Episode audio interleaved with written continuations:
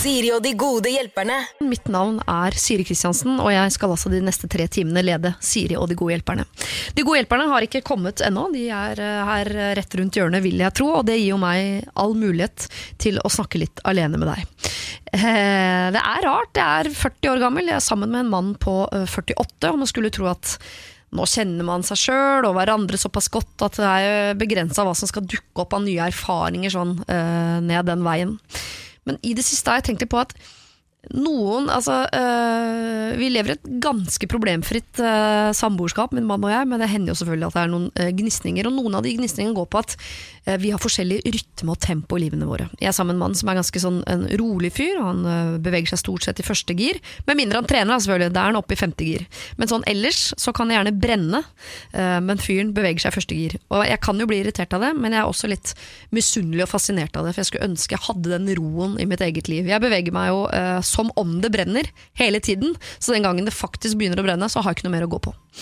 Eh, men eh, noen ganger så kan han finne på å bli irritert på meg fordi det virker som om jeg vil eh, legge opp hvordan han skal gjøre ting. Fordi hvis han har en ledig dag, og han skal tre ting den dagen, så bruker han en hel dag på de tre tingene. Da kan han f.eks. klokken ti om morgenen dra i butikken og handle mat, komme hjem igjen, surre litt.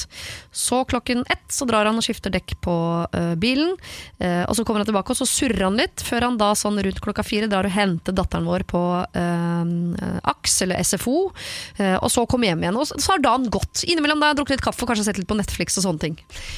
Min dag ville sett annerledes ut. Det vil si at jeg hele dagen hadde gjort et eller annet fornuftig. Les, ryddet, vasket. Før jeg da sånn eh, rundt klokken halv fire hadde dratt skifta dekk, dratt innom butikken, henta dattera og vært hjemme. Jeg ville komprimert tingene og fått sånn sett mer ut av dagen. Og dette, jeg mener ikke å belære en mann på 48, men jeg mener at hvis han også komprimerer sin tid, så gagner det gruppa i større grad. Så det er ikke et egoistisk behov hos meg om at han skal leve livet sitt annerledes, men det er klart det gagner gruppa, altså den familien vi er, i større grad om han komprimerer sin tid, sånn at den tiden som er til overs, også kan brukes til noe som gagner gruppa, som for eksempel støvsuge. jeg hører at det høres litt ut som en eks, det er bare jeg tror det er sånn det føles på en måte å ha sett lyset, og så vil du uh, fortelle verden om det. Men det er bare noe med at jeg føler at jeg sitter på nøkkelen til hvordan man skal få mest mulig ut av en dag. Og så bor jeg da side om side med en fyr som ikke har skjønt at man kan gjøre det på den måten. Samtidig som jeg jo er litt imponert over hvordan han kan bare kose seg med liksom det uh, rytmen han gjør ting i. Og jeg er litt misunnelig på det. Så han har muligheten til en tirsdag titte litt på Netflix og ta ting i sitt tempo. Liksom. Den muligheten har han fordi han jobber helger og kvelder og den slags. Eh, Så jeg liker at han benytter seg av muligheten til å slappe av, og dermed får en eh, avslappa utstråling, som jo jeg til syvende og sist har falt for på et eller annet tidspunkt, og som jeg fortsatt setter veldig pris på, at han går rundt og er rolig. Men jeg prøver allikevel altså, å få han til å skjønne hvordan jeg ville ha lagt opp mine dager, sånn at han kan gjøre det på samme måten. Så får vi se, da om han kommer over på min side, eller om han blir på sin side. Eh, Jeg bare håper at vi blir ved hverandres side, og det tror jeg altså. Kjenner du deg igjen i dette, eller? Det tror jeg det er mange damer som gjør. Velkommen til Siri og de gode hjelperne. Straks eh, så skal vi høre hvordan det har gått med en av dere som har fått hjelp tidligere. Og så skal vi altså få våre to gode hjelpere på plass, som i dag er eh, Janne Formoe og Helen Vikstvedt. Siri og de gode hjelperne. For eh, ganske lenge siden egentlig så fikk jeg en eh, mail fra en som het eh, Eller som vi kalte for Maria. Hun hadde en eh, kjæreste som eh, hadde et barn fra før med da en annen kvinne, som syntes at eh, hele dette med Maria var litt vanskelig. Hun var liksom ikke verdens beste eks, for å si det kort.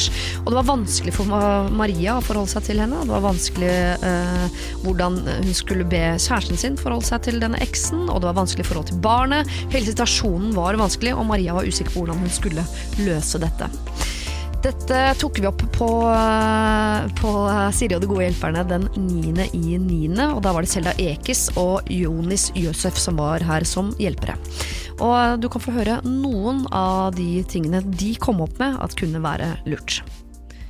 Først og fremst, det var et skikkelig ekte issue. det ja, jeg. Dette er vanskelig og vondt. Og hun virka som en flott dame. Reflektert og hadde vir- Virker som hun liksom kom fra et bra sted. Og eh, hun som er babymamma, hun virker litt eh, batshit crazy, for min del. Ja. Virker som, hun virker som Og jeg skjønner jo man er litt eh, beskyttsom overfor eh, ungen sin. Man vil ikke at ungen sin skal møte en annen dame og begynne å kalle humor, eller hva faen det måtte være. Men hun virker som en litt gal dame når hun driver og sender disse løgnene. Og prøver å sende meldinger til Peder og sende meldinger til henne. Og prøver Ja. å switche Eller folk. bare veldig lei seg, veldig Ja. overbeskyttende. Man kan bli gæren av det. Men du har Ja. jo kids også, Siri. Ja. Hva hadde du gjort hvis eh, din mann som hadde blitt din eksmann og fått seg en ny dame, og som vil være en del av barna sine liv? Jeg har drept begge to.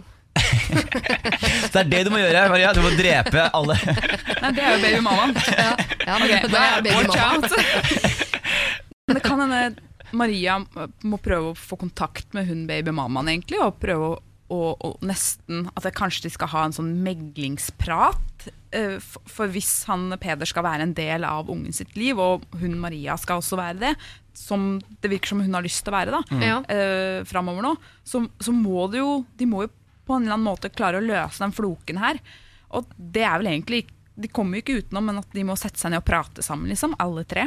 Hvis allerede problemet mitt Maria er Oi, altså du kommer inn fra sidelinja her Tar Peder liksom Og skal være hun eh, mammaen med eh, Masse overskudd og? Alt det jeg ikke får til Ja. Og i tillegg så skal du være sånn Flink og proff og hyggelig på det Så du kommer til meg og foreslår at dette må vi finne ut av For det er det beste for Peder og barnet sånn øh! Ja. Er vi enige om at Maria må holde seg litt unna dette her? ja. Ja, push Peder. Ja, Maria, du må pushe Peder til å være så god far han bare kan.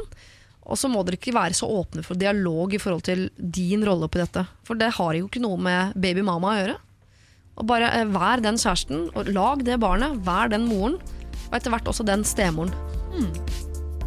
Dette var altså uh, noen av rådene som uh, Selda og Jonjus eh, hadde å uh, gi den 9.9. Hvis du vil høre hele, eller hør det i kontekst, så må du altså laste ned podkast fra 9.9.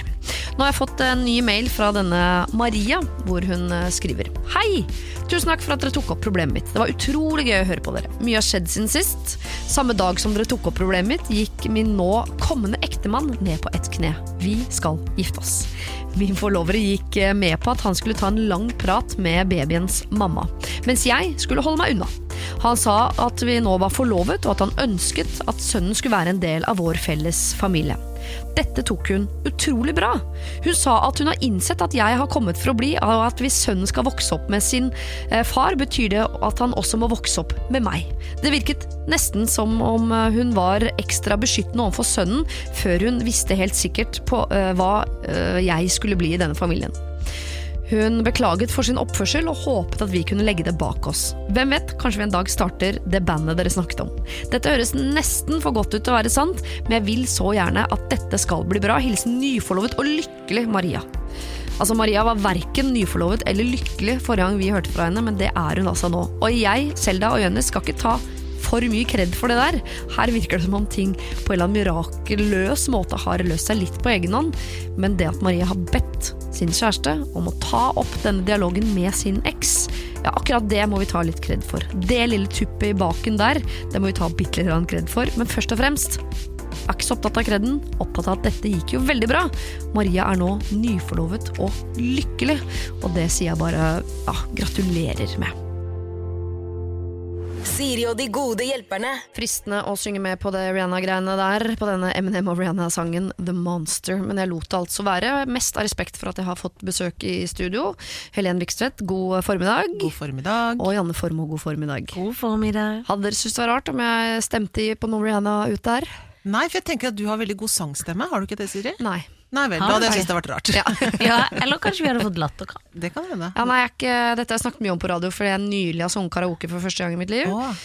Eh, traumatisk opplevelse for mine venninner å se meg på den måten. For det er Mm. ikke stygt nok til å være stygt. Eller det er ikke stygt nok til å være gøy, og det er ikke fint nok til å være underholdende. Nei. Nei, Og så er lurer de da på om du har skjønt det. Tenker de da kanskje har hun skjønt hvor dårlig det er, eller? Ja, for det har jeg, men jeg har ikke noe ironi på det. Og det sa Nei. jeg fra med det Viken-rommet. Jeg har ikke noe ironi på det. Jeg ønsker å være verdens beste å synge. Jeg håper fortsatt at folk skal oppdage meg og gi meg platekontrakt. uh, så ikke le. Ikke prøv å få meg til å synge Girls Just Wanna Have Fun, for jeg vil synge Adele. Og sånn er det bare. ja. ja, det er gøy. For du ligner litt òg. Ja, du ligner litt. ja, det gjør jo det. Ja, det gjør du, det har jeg ikke tenkt på, for det er noen andre tenker du ligner på som du vet hvem, men du ligner jo Litt også på Adele, Adele òg. Ja. Ja. Men tenkte du på. Mette-Marit? Nei, andre? jeg tenkte på eh, Hva heter hun Nå da? står det stille, for hun heter Kate Nei, det er ikke Kate Winslet. Nei, Kate, det er ikke Kate Bush. Nei, Drew Barrymore. Drew Barrymore. Ja, Ja. Det ser du jo. Hun Ja, er jo Drew. Barrymore. du er jo det. Da skal du se datteren min.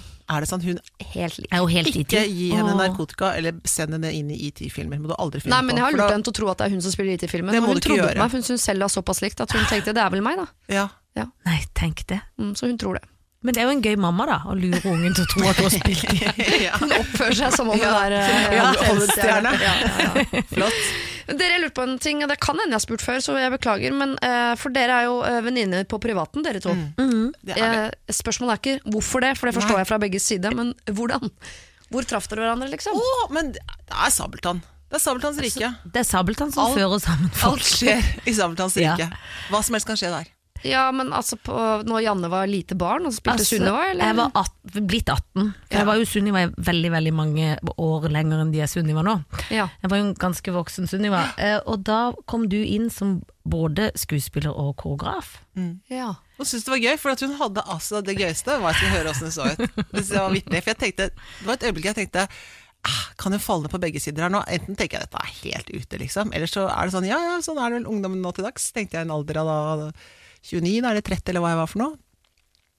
Verdens høyeste sånne Buffalo-sko. Altså, de var så høye. Det var sånne Ja. konturner, de var kjempehøye. Ja. Og ikke de vanlige høye, men de høyeste av de høye. Klampret rundt på Og det. de var røde òg, for, det var- ja, for det var sånn slip-in. Det var jo ikke Ja. som de sorte man husker. Det var sånn jålerød sko. Og så bitte liten veske, som var som en sånn ikke væske, men som en, oh, var det, en liten boks. Det var en liten boks med han på, ja, altså. Og det var antrekket. Og stavra rundt. Stavra, vil Jeg jeg, si. stavra Stavra rundt. rundt på det. Ja. Og var fornøyd. Fornøyd Ja, ja, med livet. Og så var jeg kjempeblond, men så viste det seg, om jeg skal si det sjøl, Ja, jeg var si morsom. Ja, det var morsom. Ja. Og vi fikk Det var gøy. gøy. Det var gøy. Vi hadde det gøy, og det ble gøyere når du kom. Det ble frekt og gøy. gøy. Vi hadde det så gøy. Men da det. er du eh, som meg, Helen, på at hvis man allerede har dømt noen nord og ned, eh, basert på eh, fordommer eller utseende eller den Ja. slags, og så viser det seg at det stemmer ikke, da liker man de enda bedre. For Ja, man liker ja, at for, ja. altså, Og det er Ja. bonus! Ja, det er bonus. Du blir så Det er som glad. å vinne i Lotto, det. ja, det er som å eh, treffe Stian Staysman i virkeligheten. Man blir Ja. så glad i Ja, man ham. Ja. Helt enig. Buffalo-moten er tilbake for øvrig. Ja, Janne. og jeg tror at jeg, jeg hadde betennelse i beina i et helt år. Ja. Første år på Teaterhøgskolen pga. de der skoene, så jeg tror jeg står over. Jeg er blitt for gammel, Mens altså. jeg vurderer det nå, for jeg har aldri hatt betennelse. Så gøy, kommer jo opp i høyden. Så jeg Skal få lurer deg litt med på til det. jul. Takk, gleder jeg meg til. Siri og de gode hjelperne. Søndager fra to på Radio 1. Vi skal ta det første problemet som er innsendt fra Kristin. Og det er litt eh, essensielt dette med nettopp Kristin. Fordi hun skriver Min mor bor i en annen by enn meg, og våre telefonsamtaler kjemmes altfor ofte av at hun sier 'Nei, men Kristin'. Og når jeg sier fra, så svarer, hun er, svarer hun at hun er for gammel til å forandre seg på dette. En gang protesterte jeg på denne tiltalen for n-te gang, men da presterte hun å svare 'nei, men Kristin'. Og da sa jeg 'det er jo det du ikke skal si'. Jeg mener altså uttrykket 'nei, men Kristin' fungerer som tyveri av selvtilliten. Uh, en selvtillit hun selv mangler. Det blir uh, i hvert fall veldig dårlig humør hos meg. Er det noe jeg kan gjøre med dette? Jeg elsker programmet. Kristin. Nei, men Kristin. Nei, men Kristin, nå er du smålig. Nei, men altså, nei, men, ikke sant? Uh, er det fordi at hun føler at hun at det er, en korrigering allerede i starten av den eh, telefonsamtalen? Er det det hun mener? Jeg, jeg ser på det som en form for litt sånn hersketeknikk. Som, fordi jeg, jeg har Ja. ikke en mor som gjør dette, men jeg har en venninne som jeg har kjent siden jeg ble, kom til verden, som snakker til meg på den måten. Som bruker navnet mitt. Ja. Ja. For navnet navn er jo en god eh, hersketeknikk, eh, makt. Og når Ja. det er mora attpåtil som sikkert mener det, det er jo veldig tydelig at 'nå gjør du feil, Kristin'. Ja, for det høres ut som det ligger masse skuffelse i det. Ja, veldig masse skuffelse. Ja. Er det sant? Ja. Ja. Men altså, ja, ja, hun er jo tøff, da, for hun sier jo fra. Men det blir jo antagelig dårlig stemning, da, går jeg ut fra. Og da sier hun også enda mer 'nei, men Kristin'. Eh, kanskje hun skal ta igjen? Ja. Nei, men mamma. For det kommer jo til å skje. Det kommer jo til å skje et skifte her. Jeg vet ikke hvor gammel Kristin er, men eh, jeg kan jo snakke fra egen erfaring. eh, som, eh, jeg har ikke foreldre lenger, de er gamle og døde. Men det kommer et skifte i livet hvor man etter hvert tenker at det, nå er det jeg som har tatt over den, der, den statusen. da Ja. og da er det sånn «Øh, Mamma, hva har du gjort for noe her nå, da? Hva er det? Nei, nei, mamma, da. Ja. Ikke sant? Det kommer, så Hun kan jo enten glede seg veldig til at det kommer, eller begynne allerede nå.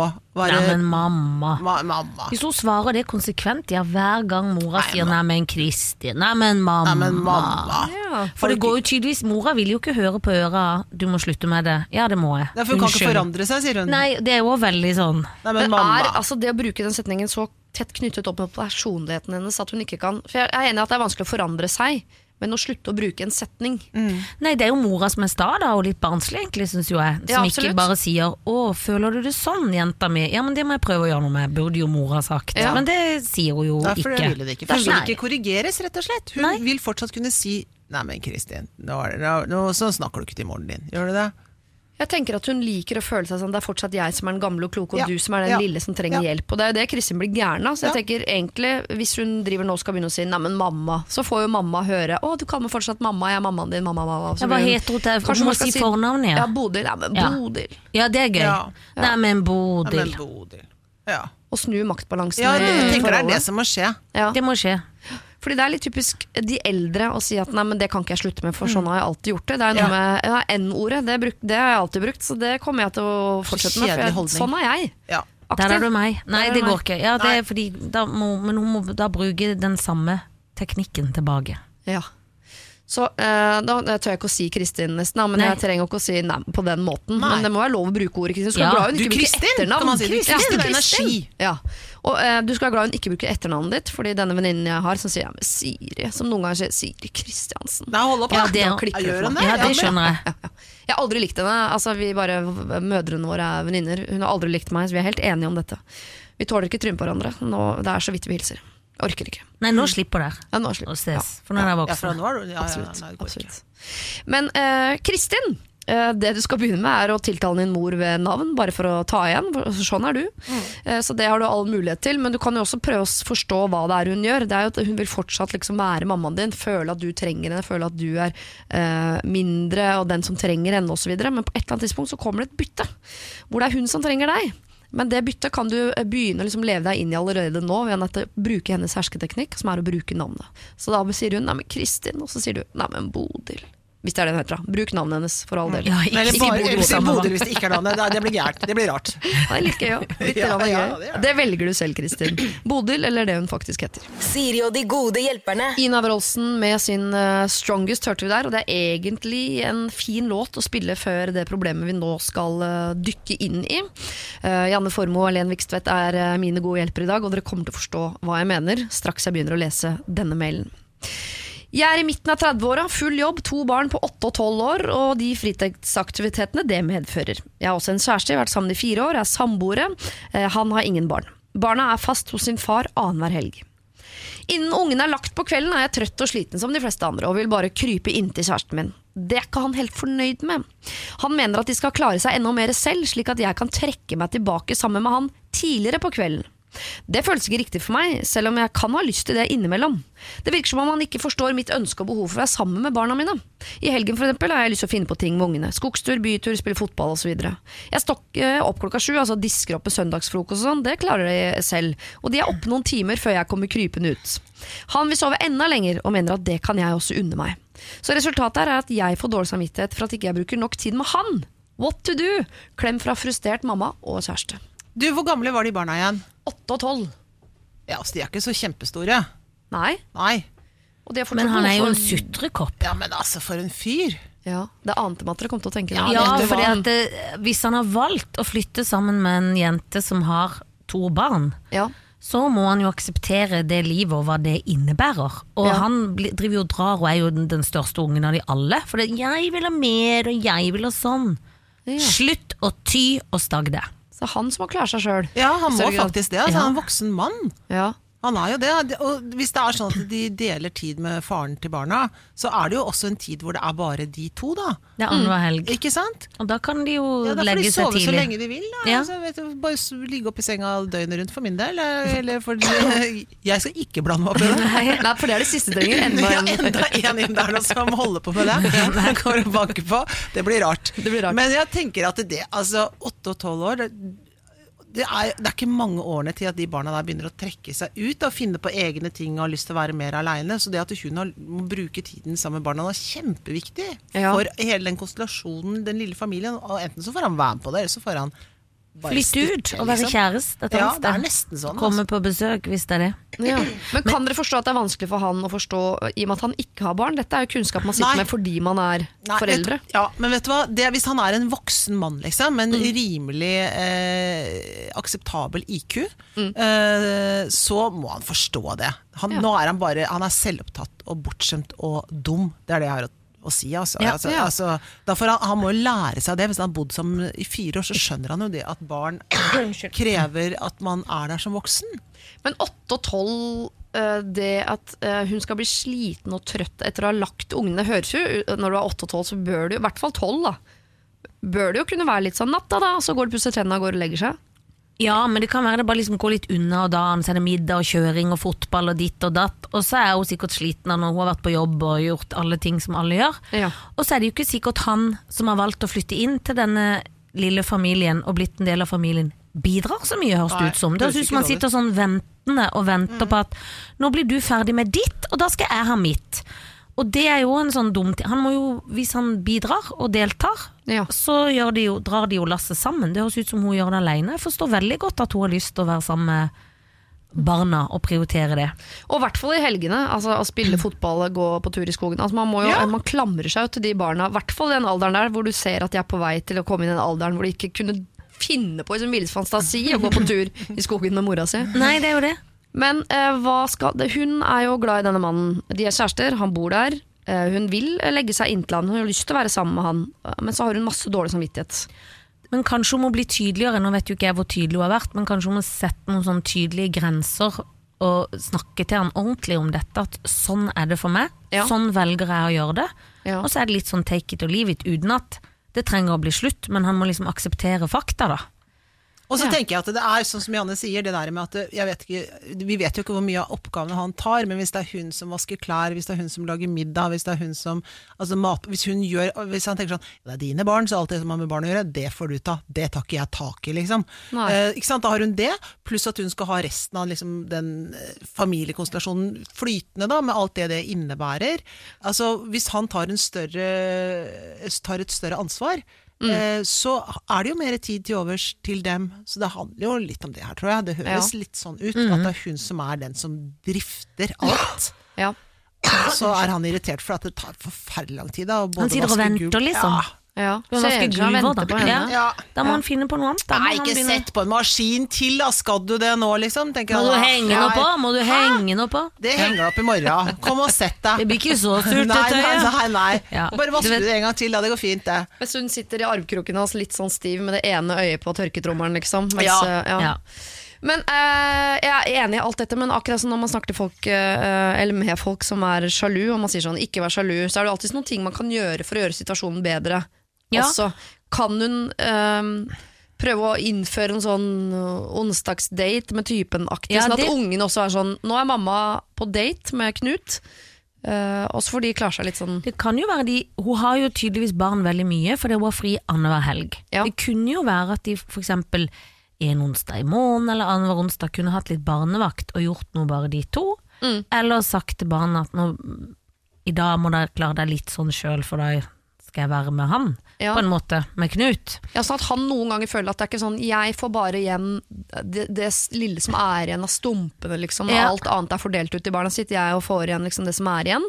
Mm. At han noen ganger får følelsen av å være prioritert, selv om han er jo ikke det mentalt foran barna, men bare sånn I dag så er det meg, liksom. Ja, det er mm. kanskje viktig, i og med at For det kan jo være han gjør veldig mye, og at hun er veldig oppofrende. Altså sånn, for hun har jo mye å gjøre med de barna, men at han må føle det er kanskje en god plan. At de kan lage litt sånn struktur på det. Ja. For da vet han hva han kan innstille seg på, og så vet hun også, føler hun det presset at hun blir dratt mellom han og barna. Mm. Og så kan han vite at sånn er det, men onsdag om en uke så skal vi ut på kino, eller hva de skal. skal. han høres absolutt ut som en fyr som kommer til å kjøpe den der onsdag om en uke.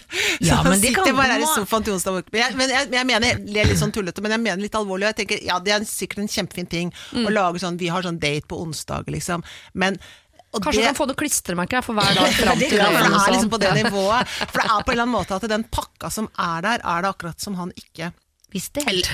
er helt, jeg helt skjønner, liksom, eller aksepterer, da.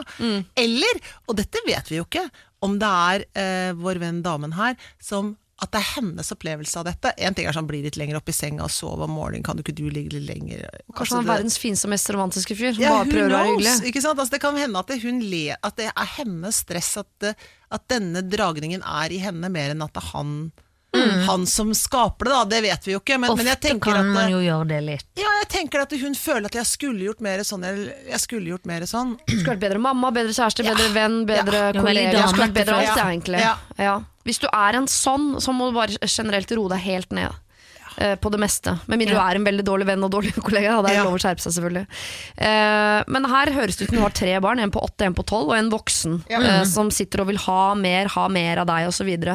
så jeg skjønner at du er sliten, eh, men kanskje det er noen ting du kan eh, gjøre for at du skal slippe å ha så dårlig samvittighet. At du nettopp har den der onsdagen å glede deg til hvor dere skal gjøre noe sammen. Skaffe litt barnevakt på det, men først og fremst bare få han til å innse at du har to barn, han må kjøpe hele pakka. Vil han ikke ha den pakka, så får han bo et annet sted. Det det innebærer å være din kjæreste, er å være kjæresten til en tobarnsmor som har barna sine nesten hele tiden. Og forstår han ikke det, så er han det største barnet av dem alle. Vel talt, Siri. Ja, Ja. skikkelig bra Ja, talt. Og da må det minste barnet flytte ut. Ja, sånn er det. Ja, sånn er det bare. Ja. Ja. Siri og de gode hjelperne. Og hvis du vil ha hjelp, så send meg en mail på sirialfakrøllradio1.no. Det er det mange som har gjort, heldigvis. For i dag kan man altså få hjelp av Janne Formoe og Helen Vikstvedt. En eh, som har gjort det, har jeg, jeg har valgt å kalle henne Natasha. Hun underskrev ikke med noe navn, og jeg har alltid hatt lyst til å kalle noen for Natasha. Oh, jeg har lyst til å hete Jeg, jeg ville hete det. Er det sant? Ja. Ja. Håpet alltid at jeg kanskje jeg kunne liksom ta det som mellomnavn. Natasha har alltid likt veldig veldig godt. Og tenk, hvis jeg hadde vært moren din, så hadde du hett henne. Da hadde jeg, hadde hett det. Det kunne hende. Åh, så fin. fint. Begge er fra Bjølsen da. Ja, det Så er det kunne vært moren min. Natasha fra Bjølsen. Det er det der. Det er bra. Det er noen som ikke helt vet hvor det er fra. Ok, her står det. Greia er at jeg har hatt en ganske stabil vennegjeng på fire en stund nå, og det har egentlig gått ganske fint. Vi pleide å være sammen hele tiden på skolen, ofte etter skolen også. Vi fant alltid på morsomme ting sammen, som å være på hytta og overnatte, og rett og slett veldig nære. Det var før vi begynte på videregående nå i høst, da de valgte en annen linje enn meg. Jeg var smart nok til å ikke velge venner framfor skole. Den siste tiden har jeg litt etter litt følt at vi har glidd fra hverandre, og årsaken til det tror jeg at de har sluttet å gidde å ta kontakt med meg. For ikke så lenge siden fortalte de meg at de hadde blitt med i en russebuss, og det virket som om de ikke hadde så lyst til å få meg med. Det eneste de sa var kanskje du burde prøve å snakke med de andre jentene på bussen for å komme inn. Jeg tror de mener at jeg skulle smiske. Jeg har gått på samme ungdomsskole med mange av de jentene som er med i bussen, men jeg har aldri vært sammen med på fritiden, og det har eh, heller ikke to av de andre jentene i min vennegjeng. Etter de fortalte meg dette, har de gitt meg en kalde skulder og begynt å være sammen uten meg, noe de aldri gjorde før. De har eh, begynt å feste litt også, sammen med resten av bussen. Dette er mine eneste venner, og følelsen av å bli ekskludert er ekstremt sårende. Jeg vet det med russebuss kan virke teit for mange som er litt eldre, men dette er et problem for meg, og jeg vil ikke vandre rundt alene i russetida uten buss. Så spørsmålet er, hva skal jeg gjøre da? Jeg har virkelig ikke lyst til å være den som går rundt og rævslikker andre. Og nå som jeg ikke har snakket med de vennene mine på en stund, så føler jeg ikke at jeg kan konfrontere dem med det heller. Natasha. Å, stakkars Natasha. Ja, det var ikke noe hyggelig. Går Nei, i første klasse, to år til russetida, og hun er eh, frustrert allerede. Allerede så er det busstrøbbel. Ja. det høres veldig, veldig vondt og strevsomt ut. Jeg skjønner godt at det er et problem, selv om jeg ikke er på russebuss dette året. Nei, Så heller. kan man heller Så kan man relatere seg til at det er veldig vondt. Det er ikke noe godt å bli utenfor, og så har hun, ser hun de jo, jo ikke fordi hun går på en annen skole, så det er liksom Og så er det en veldig fysisk ekskludering også. Du Ja. får ikke lov å komme inn i bussen. Det er Ja. veldig sånn geografisk avmålt område. Så det er Forferdelig ikke, feigt av de jentene å si 'snakk med de andre', istedenfor heller å si da 'vi vil ikke ha deg med', eller 'sånn er det blitt', eller altså stå for det de har valgt, da. For det er jo tydeligvis at de bare overlater henne til seg sjøl og skyver henne vekk. ja, for Man skulle jo tro at de, dine fire nærmeste venner lobbet lite grann for å få deg med på denne store ja, feiringen. for de har jo, det virker jo som de har slått opp litt med henne, da. Ja. Gjør det ikke det? Det er veldig brutalt. Mm. Det høres jo litt sånn ut at de har rett og slett uh, dumpa henne. ja, Samtidig som de har på en måte satt eh, bussdøra litt på gløtt for å si sånn Du kan jo være med på bussen, men du må ordne det sjøl. Vi skal ikke stå i veien for dem. Vi skal heller ikke liksom rulle ut løperen. Ja, nei, Men er det ja, å sette han på gløtt, da. eller er det feighet? Og egentlig si 'vi vil ikke ha deg med lenger'. Det feigeste ville jo vært å ikke si noen ting, tenker jeg. Ja. Ja. Det har de jo ikke gjort. Altså hele bussgreiene eh, Ja, Jeg det blir jo trøtt bare jeg tenker på det, men, men eh, For jeg tenker, åh, skal du være med på en buss hvor det, hvor det ikke er noen som har lyst til å leke med deg, egentlig? Er det noe gøy å være på den bussen, da?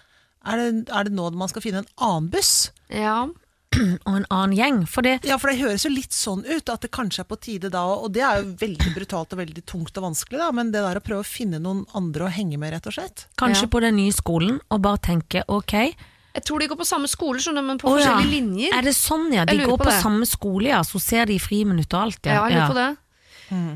Ja, for det hadde nesten da vært bedre om hun helt gikk på en annen skole, for da hadde hun kanskje fått noen nye venner. Enig. Det gjør det nesten vanskeligere at de er på samme skole. Jeg får litt sånn fordi jeg, jeg bare kjenner meg inn i eh, Jeg har ikke lyst til å være den som går rundt og rævslikker andre. Det har jeg sagt til meg selv i mange år, at jeg skal ikke være den som rævslikker. Og så tenker, etter hvert så blir man så opptatt av ikke rævslikke at man slutter å være hyggelig mot folk. Eh, og det, da har man liksom beveget seg litt for langt eh, bort fra sentrum. Så jeg tenker at hun trenger jo ikke å rævslikke noen, men å prøve å bli kjent med de nye vennene til venninnene sine. Det er jo ikke verken, det er noen ganger man nesten går seg litt vill i sånn at det er falskt å være hyggelig.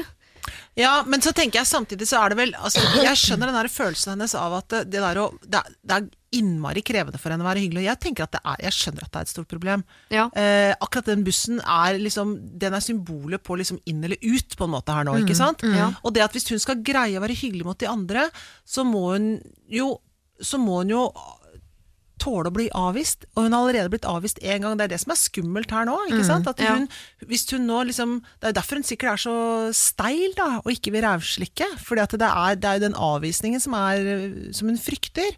Så, så hun må bare være forberedt da, på at hun kan bli avvist, og så prøve. Men, men det, er liksom, det skrittet er enormt. Men det er liksom der det ligger, på en eller annen måte. Jeg tror jo ikke at de jentene vil snu eller hjelpe henne hvis de allerede nå er så avvisende utgangspunktet, som det virker som de er, de vennene hennes. Men jeg syns jo Natasha, som jeg kaller Ja. henne, eh, skal aktivt gjøre noe. For det man Ja. ofte gjør i sånne situasjoner, er sånn dette er vanskelig. Jeg jeg blir man veldig prinsippfast.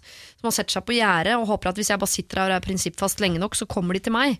Ja. Det skjer veldig, veldig sjeldent. Det skjer veldig Så jeg tror heller hun skal gå til det som i utgangspunktet er vennene hennes. Ja. Og ikke nødvendigvis konfrontere, men prøve å få opp igjen liksom eller kanskje hun skal konfrontere og snakke med gamlegjengen og si sånn Hva er det egentlig som skjer? Ja. Svar meg ærlig. Da må hun tåle den avvisninga Mm. som Helen snakker om, men si ærlig. Er det sånn at de egentlig ikke vil ha med meg? For det opplever jeg veldig, og jeg er Ja. veldig veldig lei meg og såra over denne måten de gjør det på. Ja. Hvis Ja, jeg er tar tøff, feil, ja, det er jo skikkelig Skikkelig tøff, bra. men det er noe med å tørre å se noen rett i øynene og si nå føler jeg meg så utenfor av dere, Mm. og kanskje jeg tar feil, men da må vi snakke om det, for dette er ingen god følelse. Og det som kan være en trøst, hvis man tør å gjøre det der, det jeg trøster meg med de gangene jeg har gjort det, er at hvis dette er vanskelig for meg, øh, men jeg gjør det og er så tøff at jeg gjør det, så er situasjonen enda verre for de som blir konfrontert. Ja. For dem blir det helt forferdelig for når Natasha kommer bort og har liksom bestemt seg og tar den konfrontasjonen. Det er, det er jo de det er virkelig vanskelig for. Det kan man mm. prøve å kose seg litt med i situasjonen. Og så gjør du sterk, og så er det også noe med at eh, hun må huske på at hvis hun har en følelse, så er det ingen som kan ta henne på den følelsen hun har. Det er en reell følelse i henne, som ikke de kan si det er ikke sant, og du kan ikke Jo, det føler jeg. Hva gjør vi med dette? Og da må jo de tørre å stå for det da, og si vi vil ikke ha deg med mer. Så er det forferdelig hvis det skjer, men da vet hun svar. Det er Ja. som å gå og vente på en kjæreste skal slå opp, men det er forferdelig vondt. Det er nesten en lettelse når det skjer da, Fordi da vet du i hvert fall svaret. Så kanskje hun skal manne seg opp til å prøve å ta en ordentlig prat med de gode, gode venninnene som i hvert fall har vært det, Ja. og sjekke om de fortsatt er de venninnene. Og hvis ikke, så må hun gå den andre veien og ikke løpe etter de, og prøve å finne en ny gjeng. Det er tøft, men det kommer hun til å klare, for hun høres ut som en bra dame, hun Natasha, Ja. som ikke er fra Bjølsen nødvendigvis. Ikke Jo, nødvendigvis, nei. Kanskje det er det. Ja. Natasha, det er det du må. Altså, vi, jeg tenker at du her må kanskje uh, gå og se om du kan finne en annen russebuss, en annen vennegjeng, men ikke før du har prøvd med den vennegjengen du har hatt. Konfronter de med det du mistenker. Spill på følelsene dine, det er det ingen som kan ta deg på. Det krever masse, masse mot, Uh, men prøv det. Se hva de svarer. Tenk at det er verre for dem. Og får du den avvisningen, som vi frykter at du kanskje får, så er det i hvert fall lettere for deg å gå videre og finne deg en annen vennegjeng med en annen russebuss. Lykke til. Siri og de gode hjelperne. Mail oss på siri at radio1.no. Noen ganger mistenker jeg sjefene her i Radio 1 for å legge opp musikken ut ifra hvilke problemer jeg har tenkt til å snakke om, for det passer altså så godt eh, av og til. What About Us synger Pink, og det tror jeg også Crazy Ex-Girlfriend kunne ha sunget. Eh, og kanskje det er det hun nettopp skal. Det kommer an på hva dagens gode hjelpere eh, råder henne til, som i dag da er Helen Vikstvedt og Janne Formoe. Kjem jeg til å dø hvis jeg spør eksen min som jeg var sammen med for fem år siden om han vil prøve å bli kjent med meg igjen, er overskriften. Jeg går over på bokmål. Han dumpa meg. Vi har møttes noen ganger på byen i ettertid. Det har gått i alt fra krangling, skriking og grining til fine samtaler om, samtaler om hvor vanskelig det er å komme over hverandre. Det siste skjedde i januar. Jeg greier ikke å slutte å tenke på han. Vi har hatt lite kontakt etter bruddet, og han har aldri kontaktet meg. Jeg greier likevel ikke å slutte å tenke på at han er den rette for meg, og jeg er redd jeg kommer til å angre for alltid om jeg ikke gir det en sjanse. Nå har han flyttet til byen jeg bor i, og vi bor på samme sted for første gang siden vi var sammen. Jeg har allikevel en annen kjæreste akkurat nå, som jeg er glad i, altså. Eh, Jeg har ikke fått hjelp til å slå opp med han ennå, jf. tidligere innsendt problem. Det beklager jeg, på vegne av og Gordon. Men likevel så klarer jeg ikke å gi slipp på han jeg var sammen med da, på videregående. Om jeg tør å spørre, så sier han nok høyst trolig nei. Men kommer jeg til å overleve det? Kommer jeg til å overleve om jeg ikke gjør det? Fins det et råd for en slik situasjon? Kall meg crazy ex-girlfriend. Du kommer til å overleve alt. Det er det første ja, jeg vil overleve, si. ja, Overleve ja. gjør du. Ja, ja, ja, ja. Alt dette går bra. Alt er glemt om en stund.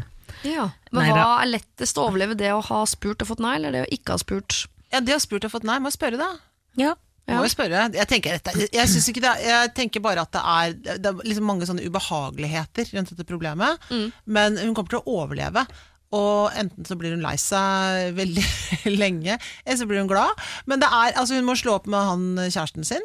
Ja. Og så, for det må hun gjøre før hun spør han andre om de skal bli kjærester. Ja, det for det er det ryddigste her. Enig. Det, det er, Ja. Må bare følge liksom eh, Det er ikke sånn at du kan spørre han andre om de skal bli kjærester, men fortsatt ha en kjæreste sånn, så skal hun slå opp. I tilfelle. Nei, det går ikke. tilfelle det ikke blir noe med han Må gamle rydde opp, ja. Ja. og så må hun spørre, og så har hun kanskje ingen kjærester. Eller så kanskje har hun han gamle kjæresten fra. Gymnaset, Eller videregående. Ja, Det virker ikke som å fortsette å være sammen med han hun er sammen med nå, er ikke et alternativ uansett Nei, hva nei. Men da må hun bare få den eh. Mm. halen til katten, som er et god, god gammeldags metafor jeg liker godt å si. Hvis du skal skjære halen på en katt, ikke skjær bit for bit. Hun må bare få kutta den halen Mm. av. Med andre ord, gjør det slutt med han kjæresten. Ja. Her får hun to hjelp i én, siden hun ikke har fått hjelp med det å gjøre det slutt Ja, før. ja, Gjør det ja. slutt. Ja. Ferdig. Rydd det som å rydde i boden. Det er Ja. litt vondt, eller rive av plasteret. Skytt, slutt, ferdig. Men hun har jo, uh, bare for å, og jeg tipper at hun også skulle ønske at dette var lov, som jeg skal foreslå nå.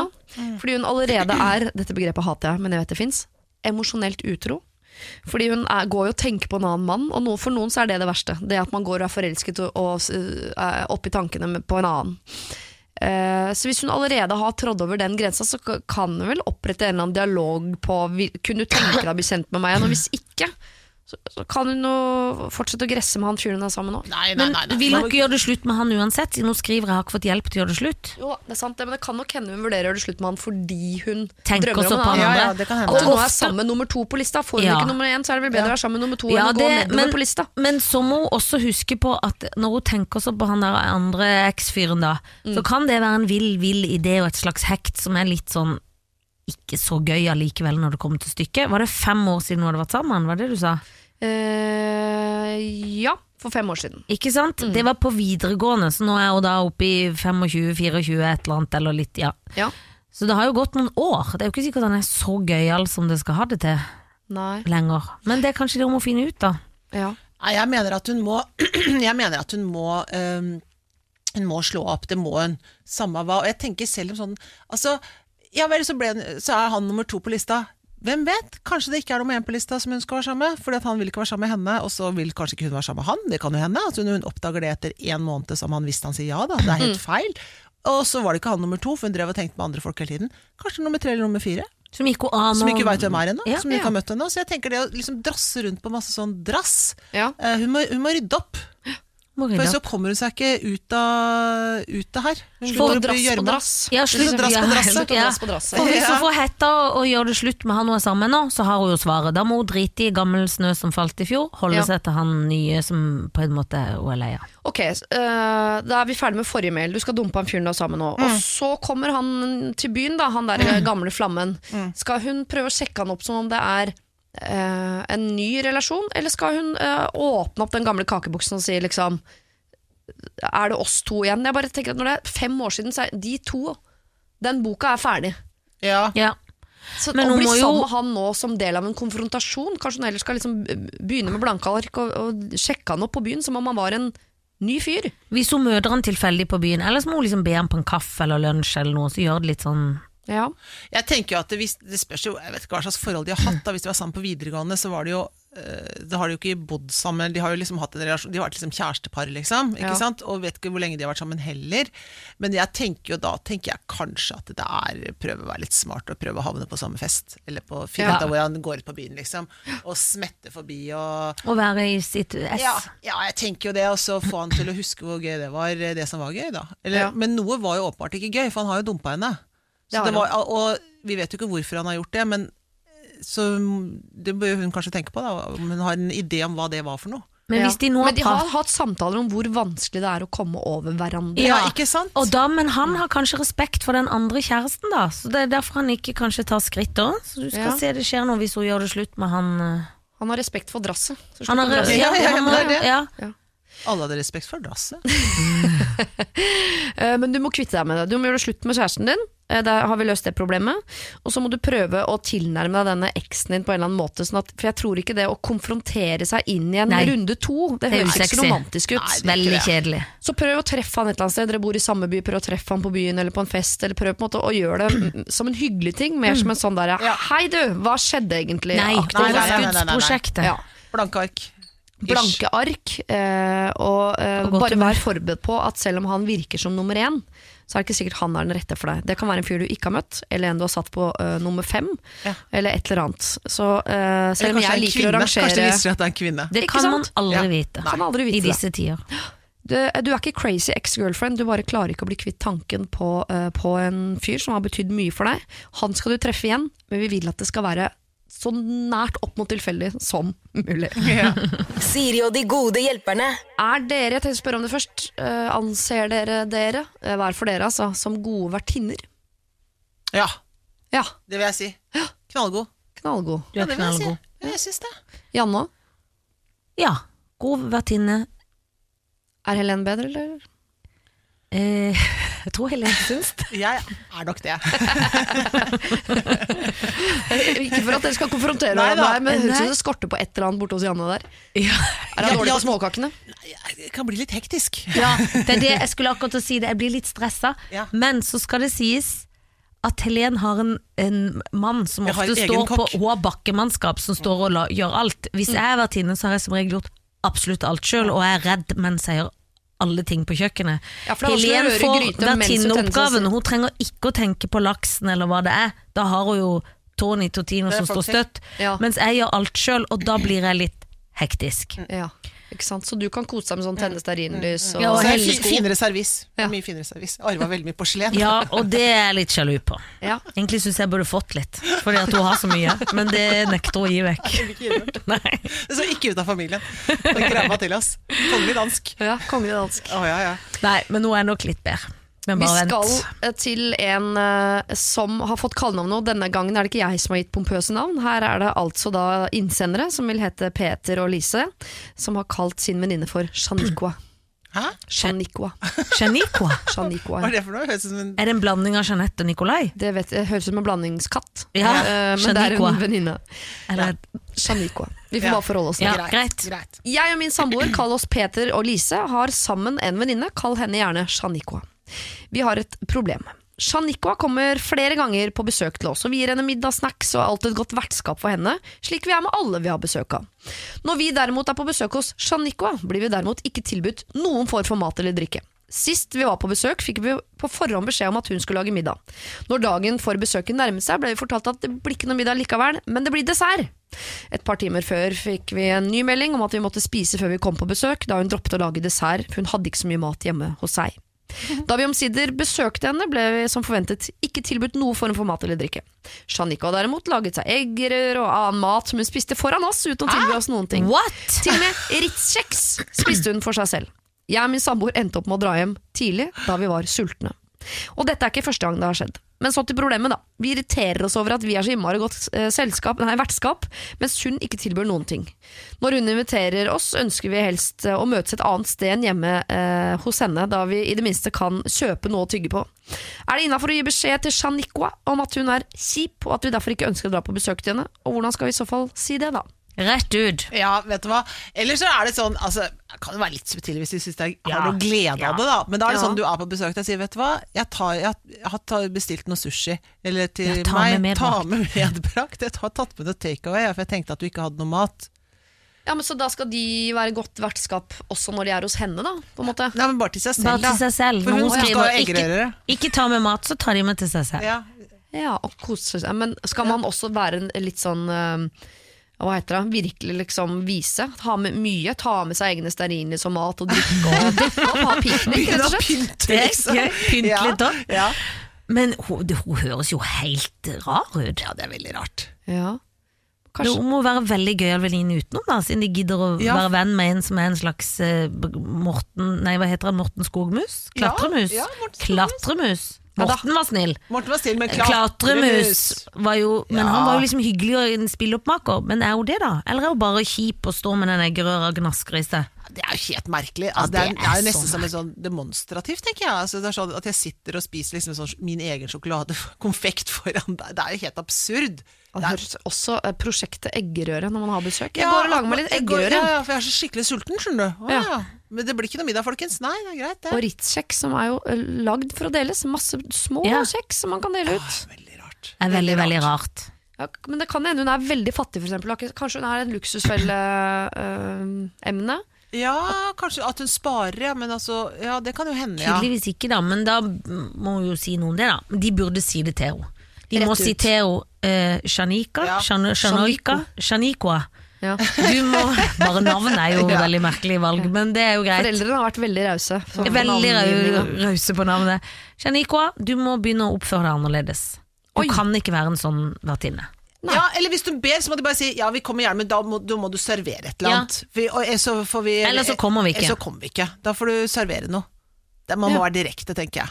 Ja. For det er, man har plikt til å servere ting når man får besøk. Men plikt men, men altså, jeg tenker, altså, noen ganger så har man jo ikke noe. Nei. Men så er det sånn, vil du ha en kopp kaffe eller en altså, Man byr jo alltid på om du så et glass vann, og hvis har. ikke man Hvis ikke man Nå vet jeg ikke hva jeg skulle si. Jeg glemte alt. Men man gjør jo det. ja, Og hun er der mange ganger i uka og får middag og alt. ja. Jeg kan noen ganger spise- glemme det, for jeg tenker at mitt hus er så åpent at når man er på besøk, så er det bare å gå og ta, liksom. Så jeg Men kan noen er ganger glemme å si sånn Ja. Vil du ha et glass vann? For jeg tenker sånn, er du tørst, så tar du vel et glass vann. Men det er greit. Men hun er jo tydeligvis sånn 'kom på middag'. Nei, det blir ikke middag. Det er veldig rar er ting å si. ja, Og at hun er der på middag og aldri byr på noe. ja. Men når man stikker innom, så er det sånn stikker innom, så sier man hvis man har tid, så vil du ha en kopp kaffe. Altså, hvis ikke, så tar man jo ikke det. Men, men hvis det er invitasjon, så føler jeg jo at det er noe mer enn at jeg skal komme, og, og så er det Sitter ingenting. Liksom. Se på at andre spiser Ritz-kjeks. Ja, det er veldig, Ja, det er veldig rart. rart. Ja. Og det behøver ikke være full oppdekking, men man tar jo liksom de der tørka aprikosene man har i skapet og putter oppi en skål. Ja, det var bare sånn for å tenke at ikke det litt litt, Det var det vi hadde. Det Ja. så innmari gøyalt, men det er eh, vi, signal, deler på, vi deler jo på det. Ja. Det er liksom det jeg prøver å si, at vi tar det vi har her. Ok, men da sier jeg eh, altså til eh, Peter og Lise eh, Dere må si det rett ut. At sånn går det ikke an å oppføre seg. Du må bli en bedre vertinne. Vi kan faktisk ikke komme på besøk til deg hvis ikke du disker opp med noe eh, som helst. Eller så kan dere gjøre den gøye varianten som vi også var innom, nemlig ha med egen. Gjerne liksom brette ut Full eh, rutete piknik. duk og ha full piknik i stua, men ingenting til Janiko. Nei. Nei. Hun må lage sin egen eggerøre. Ja. Og det må dere si òg. Gå og bland deg din egen eggerøre. Det må du si. Det er gøy. Det er den gøyeste versjonen. Ja. Ja, dette er eh, litt vanskelig, men mest gøy, tenker vi, å si dette her til Shanikoa. Siri og de gode hjelperne. Søndager fra to på Radio 1. I likhet med Astrid S, som vi her hørte med Think Before I Talk, så skal vi ta oss en liten tur over dammen til uh, The United States of America. Helene Vikstedt, du er med, og det er du også, Janne Formoe. Jeg har akkurat begynt min så levde de lykkelig alle sine dager-periode av livet. Men det går ikke helt som jeg hadde trodd. For et år siden ble jeg huseier og samboer på en gang, og noen måneder senere giftet vi oss. Vi har vært sammen i tre år, og dette er mitt første ordentlige forhold. Mannen min har barn fra før, som har gjort at vi tar, har tatt ekstra med tid på dette skrittet med å flytte i lag og starte et felles liv sammen. Jeg elsker kjæresten min, jeg kan ikke forestille meg et liv uten han. De tingene som var vanskelig i starten, som f.eks. å være ekstraforelder til hans barn, begynner nå å gå seg til. Vi bor i en liten by i den vestlige delen av USA. Se for dere Oregon, står det. Jeg har ikke mulighet til å se for meg Oregon, for det vet jeg ingenting om. Nei. Men jeg ser for meg en liten by. Ja. her er jeg travel med sykepleierstudier og ekstraarbeid på sykehjem. Han er travel i sin jobb. På fritiden pusser vi opp huset og andre praktiske gjøremål. Livet har falt i hop akkurat slik jeg vil ha det. Men jeg merker at jeg virkelig savner alenetiden. Kjære vene, så sliten jeg blir av å ha mennesker, selv de menneskene jeg er mest glad i i hele verden, rundt meg hele tiden. Jeg merker jeg blir sur, grinte, mister motivasjon. Jeg har alltid vært nesten overdrevet optimist med livsglede og gnist. Nå føler jeg meg sliten og vil være aleine. Er jeg gal? Har jeg levd for lenge alene før jeg slo meg til ro? Jeg er 36. Vi er begge sosiale og har mange venner, men også ofte bare oss to, med eller uten bonusbarna. Mannen min er nok mer sosial enn meg og vil heller ha planer med venner hvis jeg er bortreist, enn å være aleine. Hvis han er borte, vil jeg være helt alene. Men de anledningene kommer så altfor sjeldent. Så jeg lurer på, er dette en kulturforskjell? Er par i Norge annerledes? Er det mer rom for alenetid der? Eller er jeg rett og slett bare uh, en introvert særing? Er jeg normal eller ikke? Hvordan kan jeg løse det? Jeg vil jo ikke miste mannen i mitt liv og mitt eget liv, men jeg vil heller ikke miste meg selv. Så hva gjør jeg da? Skal jeg reise på en oppdiktet, oppdiktet jobbreise en gang i måneden, eller har dere andre forslag? Hilsen Laura. Men du er helt normal! Ja, så normal som bare det. Kjempenormal. Det er ikke noe rart Ja. det der der. Nei.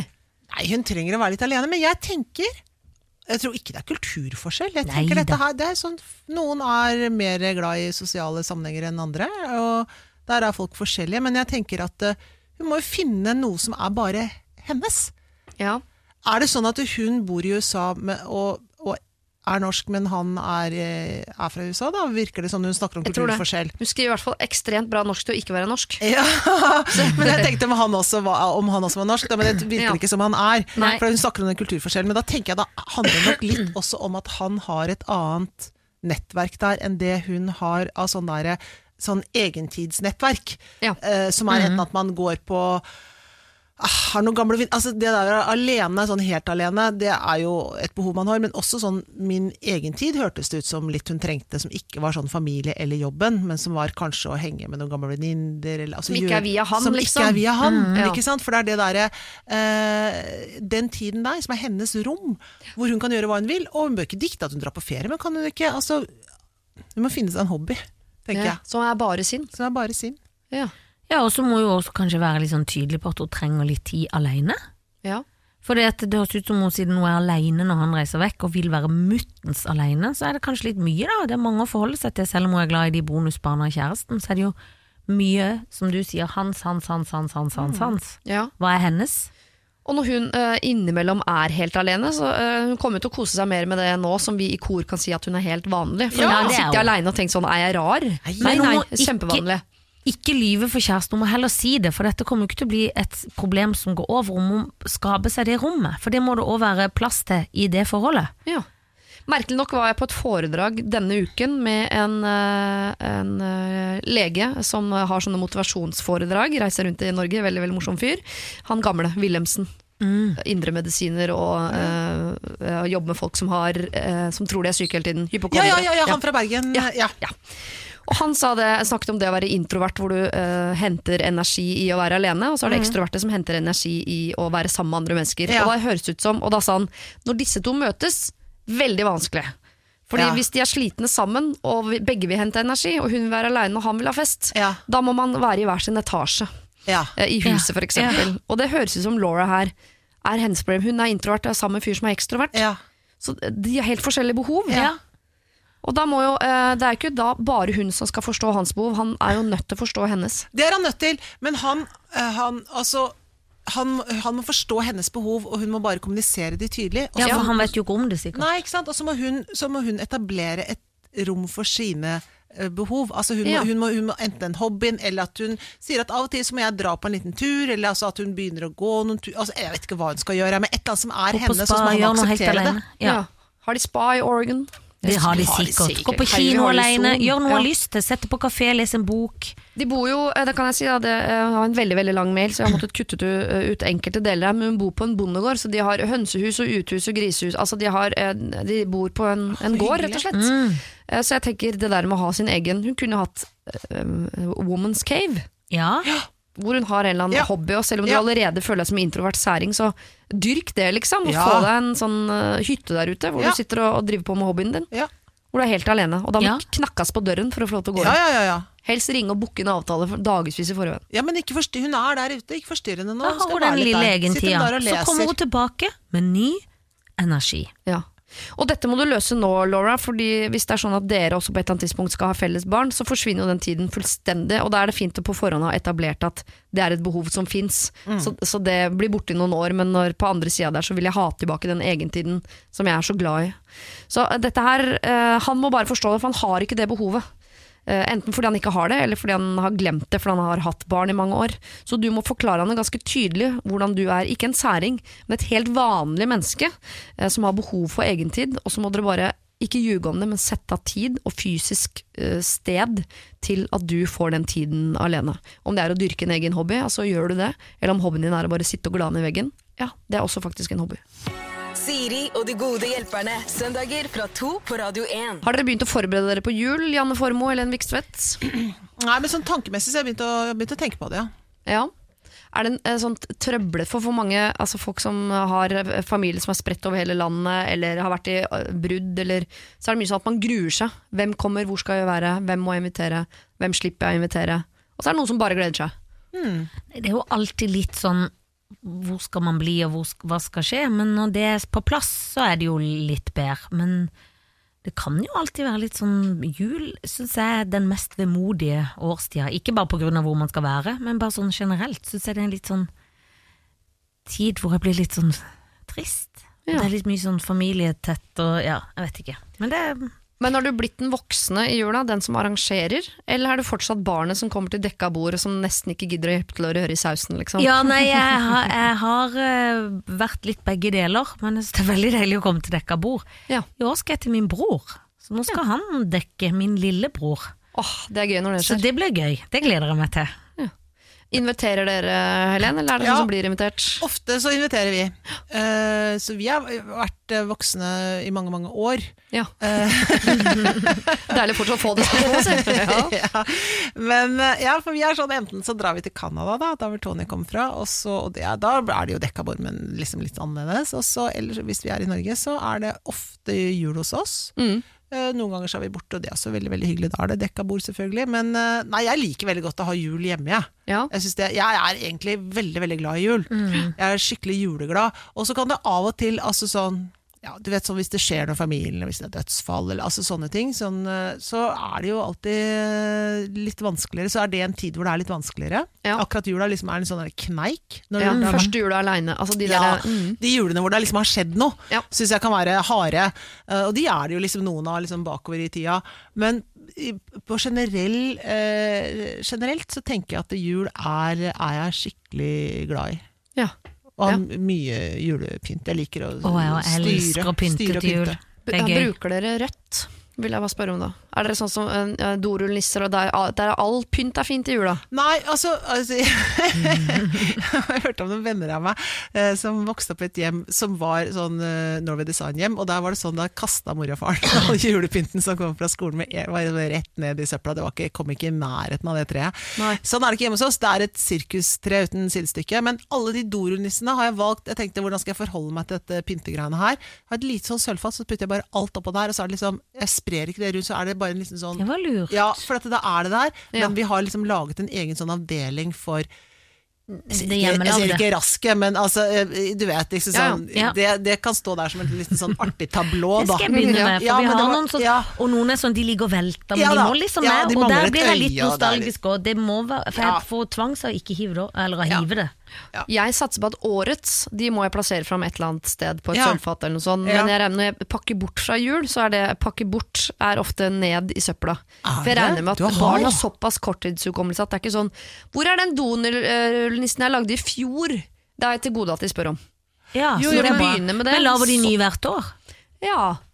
ja jeg kommer jo alltids hjem med noe et eller annet uh, Noe dorullaktig. Men du er jo veldig opptatt av interiør og har veldig god smak. Takk. Har du da, blitt, hater du dorull, hater du det litt? Lite Ja. grann. Ja. Jeg gjør det lite grann. Men tenker du ikke for jeg, det er bare, Dette er helt på sida, men jeg tenker sånn, for jeg, jeg tenker sånn jeg fant akkurat en sånn koffert med masse ting etter moren min, da, som døde for noen år siden, med, med sånn pynteting og sånn.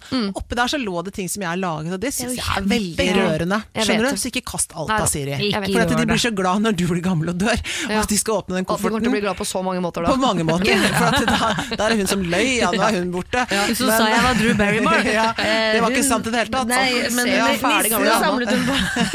Endelig. Men da er det litt gøy for dem å finne i hvert fall et par sånne små nisser, da. Ja da, Se, mamma noen. gjemt nisser, ja. Hun Men jeg kastet trenger ikke ikke alt, kan de si. 32, liksom. Det trenger de ikke. Nei. Det Ja. lages ikke 32. For det verste er at vi har lagd noen på juleverkstedet til venninne, jeg skal bare si det før jeg blir ferdig med det, og da ser jeg egentlig ikke forskjell på om det er meg eller Felicia som har lagd de, for jeg er ikke spesielt Jeg har jo stoppa i motorikken på en Har åtteårsstadiet. Ja, det har du òg. så det er ikke så pene nisser. Nei, da, det er ikke så jeg vet pene ikke nisser. helt om det er meg eller hun. Da kan Nei. jeg kanskje kaste de. Ja, det er lov, det. Altså. Men sine egne kan man kaste. Ja, det må det- det må være lov. Det må være lov. Kurvene jeg fletter, de er ganske fine, egentlig. Ja. Dere vi skal gå over til et eh, juleproblem innsendt av en som bare vil hete meg. eh, som jo er på et litt annet nivå enn dorullnisse, uh, vil jeg påstå. Jeg skal lese problemet, så kan vi snakke litt om det eh, etter at vi har hørt litt musikk. Skal vi se.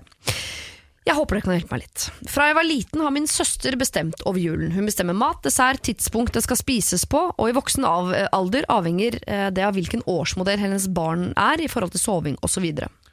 Gaveseansen er krevende, da det er mye følelser som legges i det i forhold til om gaven er gjennomtenkt. I tillegg er det svært viktig at alle gaver fordeles i hauger, det er hun som deler ut, og at én åpner én gave mens de andre ser på, slik som vi gjorde da vi var små på 80-tallet. Da alle hadde fem gaver hver, kanskje. Juletre får ikke være i plast, og serviset skal være det samme. Jeg og mine barn har feiret julaften med mine foreldre og søsteren min siden mine barn var små, altså nå i ca. tolv år. Noen ganger med min daværende mann, hennes daværende mann, og noen ganger ikke. Hun vil holde antallet på julaften nede, og faren min er helt enig, da han blir sliten av blant annet denne gaveseansen hvis det er for mange til stede. I år er mamma på pleiehjem, hun har fått alzheimer, så da er det bare pappa igjen, og jeg tenker at vi burde tatt vare på hverandre denne julen.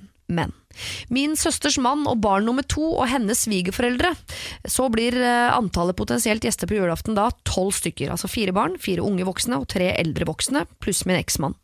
Eh, Min eksmann har ikke noen nær familie selv, og feirer jul med sine barn og meg. Min far ønsker å feire hos min søster, da de bor veldig nærme hverandre, og antall gjester eh, ønsker de skal være på et minimum. Så da ryker jeg og gjengen min ut av julaften. Og jeg sitter igjen jeg, da, med eksmannen min, to barn og min nye samboer. Alle voksne går godt overens, barna liker stefar og syns det er stas at vi feirer sammen, men de vil jo gjerne feire med bestefar også, og gjerne fetteren sin, noe de har gjort nå de siste tolv årene, samt at de syns det er trist at bestemor er på pleiehjem i jula. Jeg har sagt dette til søster og far, men de står på sitt, at det blir for mange folk. Jeg blir frustrert og lei meg. Har dere noen råd til en som prøver å ikke bli for bitter på situasjonen, og gjerne noen tanker om hvordan man skal skape egne tradisjoner? Hilsen meg. Altså Her er det en som måte er ekskludert ut av sin egen familie så fordi det blir for mye folk!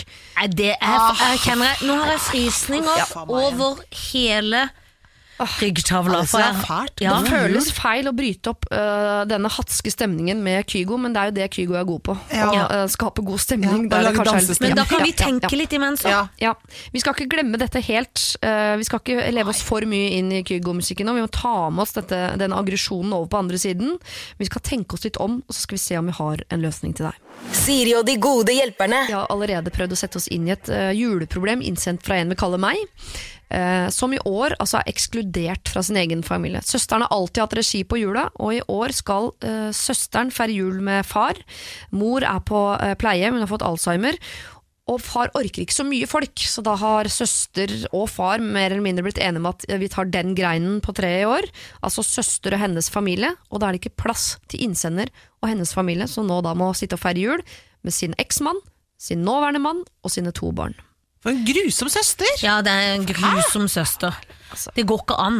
Til og med Anna elsker Elsa, men her ville jeg hatt problemer. Ja, dette Ja, ja, ja. er ille. Og så er det litt sånn eh, nå- Det viktigste må jo være at disse De er jo fettere og kusiner, eller hva de er, eller to fettere, eller Det er jo så gøy å være sammen med sin egen hvis man er på samme alder og barn. Ja. Jeg kan ikke fatte det. Da burde hun heller sagt at denne svigerfamilien sin må vekk, og så må hun ha søstera si, og så får hun ta jul med dit neste år. Da må hun fordele annenhver jul. Ja, men hvis de mener at den gavegreiene er så masete Her er det snakk om fire barn. Da Ja. sier vi i år at vi trekker en lapp og så er det én gave. Du skal, Jeg skal kjøpe én gave til deg, Siri. Du skal kjøpe én gave til Janne. Ikke alle skal kjøpe til alle. Så voksne får én gave hver av en eller annen som har trukket i hatt.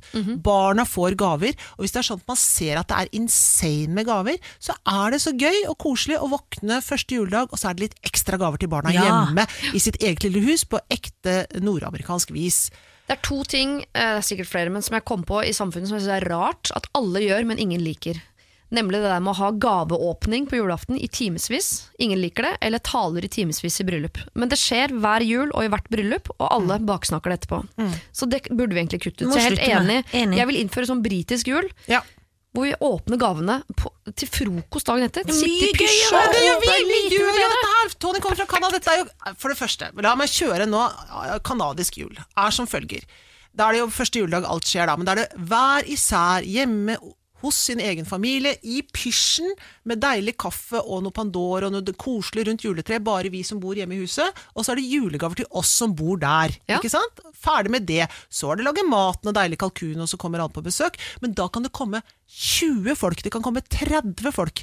Kan Ingen komme- har med gaver. Ingen har med gaver, men alle har med kanskje liksom en vin eller et eller annet sånt hvis man har lyst, men man behøver ikke. Og så er det en kjempemiddag med masse masse mennesker. Folk man kjenner, kanskje til og med folk man ikke kjenner, er på den middagen. Det er på den det som er gøy. Det er ganske hyggelig, det. Jeg synes, altså, Norge har forstått mye. Velferds-Norge har Ja forstått da, mye. ja. Men jula, der bomma vi. Ja, Gerhardsen vi kom til kort. Og der bomma vi, rett og Ja, slett. det er alt, alt uh, Gerhardsens Men Men skyld. det tilbake til vår rart i, venn her, ja, da. i dette her, fordi hun har en søster som er opptatt av tradisjoner, men samtidig Så ekskluderer hun søstera. Ja. Som nå må sitte med både eksmann og, og eksmann. To Ja. eksmenn må hun sitte med. Ja, nei, eh, Ja, hun er sammen kjæreste. inne. Ja, Ja, takk og lov, for det Ja. syns jeg var veldig trist å sitte Ja. Men de har jo godt forhold. Altså de, altså, men la oss si da altså, Hun velger da eh, bort for barnas beste. Hun kunne valgt én gave til hver, gaver til barna. liksom sånn, Og så høres det ut som om har manipulerte han faren sin litt også, Ja. for hun vil ha det på sitt vis hjemme i sin, sitt hus. Eh, men Så det er liksom det kjipe, og det er en løsning der. Og det andre er jo det at det, hvis nå da eh, vår venn her og hennes barn, eksmann og ny mann det går an å lage en ganske fin jul. Ja, altså, det, gjør, det det. går an å si fuck it, kan man si, hvis man har lyst til å si det. Og så tenke vi lager vår egen kule jul her hjemme hos oss. Eh, det, går, det går kjempefint an å gjøre. Men kanskje de, eh, da, hvis hun spør hvordan skape egne tradisjoner, kanskje dere skal ha en canadisk kanadisk jul, da. Mm. Eh, som det kommer til å være sagnomsust. Altså, kommer, altså den julen dere hadde med den der koselige gaveåpninga på morgenen, alle de folka som kom senere på kvelden, og hvor raust og varmt det opplevdes for alle som kom dit på gløgg klokka åtte. Altså, bare lag en fantastisk jul. Selv om det er vanskelig alltid å lage noe fantastisk uh, oppå en bunn av bitterhet, selvfølgelig. Men eh, Hun må det, og så må hun invitere faren da, kanskje på første jul, da, hvis de har lyst til å være sammen med bestefaren sin. Så får hun kuppe faren første jul, da. da. Ja. Så får Ja. han komme da, på en gøy middag. Ja. Men går det an også å henvende seg til søster og si sånn det tydelig, altså, Kan vi heller Jeg syns heller vi skal opprettholde tradisjonen om at vi feirer jul sammen. Og så heller uh, gjøre litt mindre av den tradisjonen som er at alle skal åpne fem gaver. For eksempel. Ja. Kan vi åpne én gave hver? Kan vi Ja. kutte ned på det, det som er masete? Gaveseansen, for eksempel. Ja. Og heller være sammen. Dette kan være den siste julen. For hver jul nå kan være den siste julen. Det kan for alle mennesker, det vet man aldri. Ja, men jo, men hvis hvis mor er på er pleie, far er gammel. Ja. Ah, det er så Ikke ta dårlig. fra meg pappa på julaften, liksom. Nei, det er jo noe med det. Hun må, hun må si noe til hun Ja. eh, kjipe, kjipe søstera si. Ja, det må Ja. hun. Da må Hun virker- faktisk den der eh, svigerfamilien din, jeg beklager, da får de stå på De utsiden. får De, komme må, på første jule, da. de kan komme på eh, første juledag. Ja. Ja. Ja, eller de kan komme klokken ni på Ja. noe gløggaktig Til kaffe. ja, Ja. til kaffen. De kan komme til kaffen. Altså Man må eh, gjøre om på tradisjoner hvis det gagner på en måte den viktigste tradisjonen, som er å være sammen i jula. Ja. Ja. Ah, nei, nå ble jeg eh, sint, merka jeg, og litt melankolsk. Mm. Jeg tror Det er nesten så jeg vurderer å invitere min far på julaften. Det kommer ikke til å skje. Nei, men du kan tenke deg Jeg, jeg var innom tanken, bare for, å- ja, eh, Og for så å virke glapp enda jeg. Skal jeg invitere han? Dette virker veldig slemt for folk som ikke kjenner min historie, men dere får bare sette dere inn i det. Google it. Google it. Du, kjære meg, som du eh, kaller deg selv for. Vi, eh, all vår sympati ligger hos deg. Her har du muligheten til å skape egne tradisjoner. Kanadiske tradisjoner kan du skape. Bare sørg for at det som er jo i bunn og grunn viktigst, får lov til å trumfe her, nemlig det å være sammen. Jeg syns du skal si det til søsteren din, se om hun kan endre seg på det, og gjør hun ikke det, ja, så får du skape en tradisjon som er bygd på noe bedre, mener vi, enn det søsteren din bygger sine tradisjoner på. Siri og de gode hjelperne. Mail oss på siri at radio1.no. Nå skal eh, jeg dele ut noen handlenett mens Janne Formoe og Helen Vikstvedt tenker seg om på hvem de har lyst til å gi til. Jeg skal gi til deg Kristin, som er lei av at moren din alltid sier 'ja, men Kristin'. Nå har vi bedt deg begynne å si 'ja, men Bodil' tilbake, eller bytte ut da med eventuelt det navnet din mor måtte ha.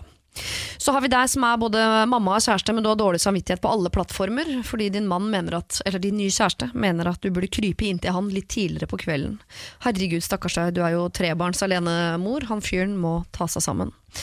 Natasha, du har fått ditt navn av meg, og du har også fått hjelp i dag fordi du eh, ikke føler deg velkommen på russebussen til dine fire gode venninner.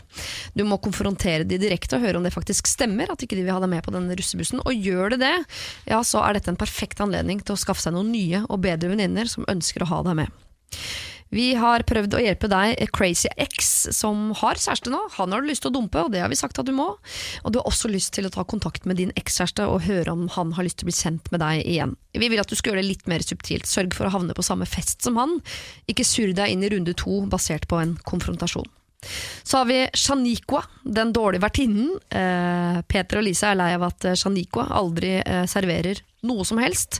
Det må også uttales direkte, men hvis også det virker gøy å komme på besøk til Shaniqua med full piknikkurv. eh, og gjerne inviter flere. Jeg, jeg kunne tenke meg å bli med på den pikniken der. Uinvitert hos Shaniqua. Piknik på gulvet.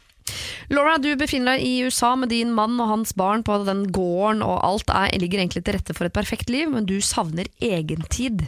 Det må du forklare kjæresten din, for det har ikke han behov for, så han forstår heller ikke at du har det. Du er ikke rar, du er ikke crazy. Dette er et behov jeg, Janne Helen og fryktelig mange kan kjenne seg veldig igjen i. Så har vi da eh, meg. Altså ikke meg, da, men deg som kaller seg meg, som i år ser ut til å måtte feire jul uten din søster og uten din far og uten din mor, men med din mann eh, og din eksmann og dine barn. Eh, Der har vi også bedt deg snakke med søsteren din og prøve å få henne til å innse hva som er viktig i jula, og forstår hun det ikke, vi er ikke så glad i søsteren din, jeg bare legger til det, eh, så skaper du dine egne tradisjoner eh, basert på det som virkelig betyr noe i jula, nemlig å være sammen. Så har vi deg, Hanne, som har en mormor på slankeren. Det er vel det problemet vi har hatt, hvor vi rett og slett bare må resignere og si det der får du ikke løst. Mo- Mormora di er 80 år, har slanka seg hele livet, og det kommer hun til å gjøre også resten. Men du kan invitere henne på selskap, gi henne mat, men dagen etter er hun tilbake på slankeren. Det får du ikke gjort noe med, dessverre. Eh, hvem vil dere gi handlenett til? Og hva skal du fylles med, og hvorfor? Ah, vet du hva? Eh, Jeg vil gi handlet, for det kan være levende og død, ikke sant? Ja. Uh, han er død. Han heter John Lennon. Ja. Jeg vil gi han et handlenett med en skuddsikker vest!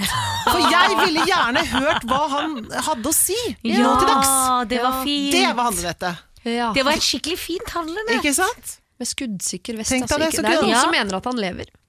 Det tror jeg ikke han gjør, også. altså. Nei, Men så nei. kunne han ta på seg den, og så hadde han kanskje Da hadde han overlevd. Ja, han hadde jo det, da. Han Tror du Beatles overlevd. fortsatt også hadde overlevd? Det tror jeg ikke. Hele bandet? Nei, det tror jeg ikke. Nei. Men da kunne de hatt gjenforening nå og spilt som sånne gamle Men han hadde hatt mye kult å si. Å, han hadde hatt kult å si. Det var Ja, var det han ting. som var den kuleste av de, liksom? Ja, egentlig? John ja. Lennon er den kuleste. På en god andreplass, Paul McCartney. ja, han er det noen som mener at er død. Ikke sant? Ja, det, det tror jeg ikke han Jeg er. mener at han har blitt dame. Det Sakte, men sikkert blitt dame. Ligner på han. Jenner-fyren. Han som Ja. faktisk har blitt dame på Ja, ordentlig. ja, ja, de men det er ganske jo noe som like. skjer med noen. De er litt like, ja. Både før og etter operasjonen. måter. Eh, Janne, hvem vil du handle handlenett til, og hvorfor? Du, jeg vil gi det til en jente som heter Bomika. Eller til alle jenter, egentlig. Som jeg var, jeg var på tur i Nepal eh, med plan her eh, tidligere i høst. Ja. Og da møtte jeg jenter som blir tvangsgifta bort. Så da vil jeg gi et nett fylt av eh, Hva skal jeg si?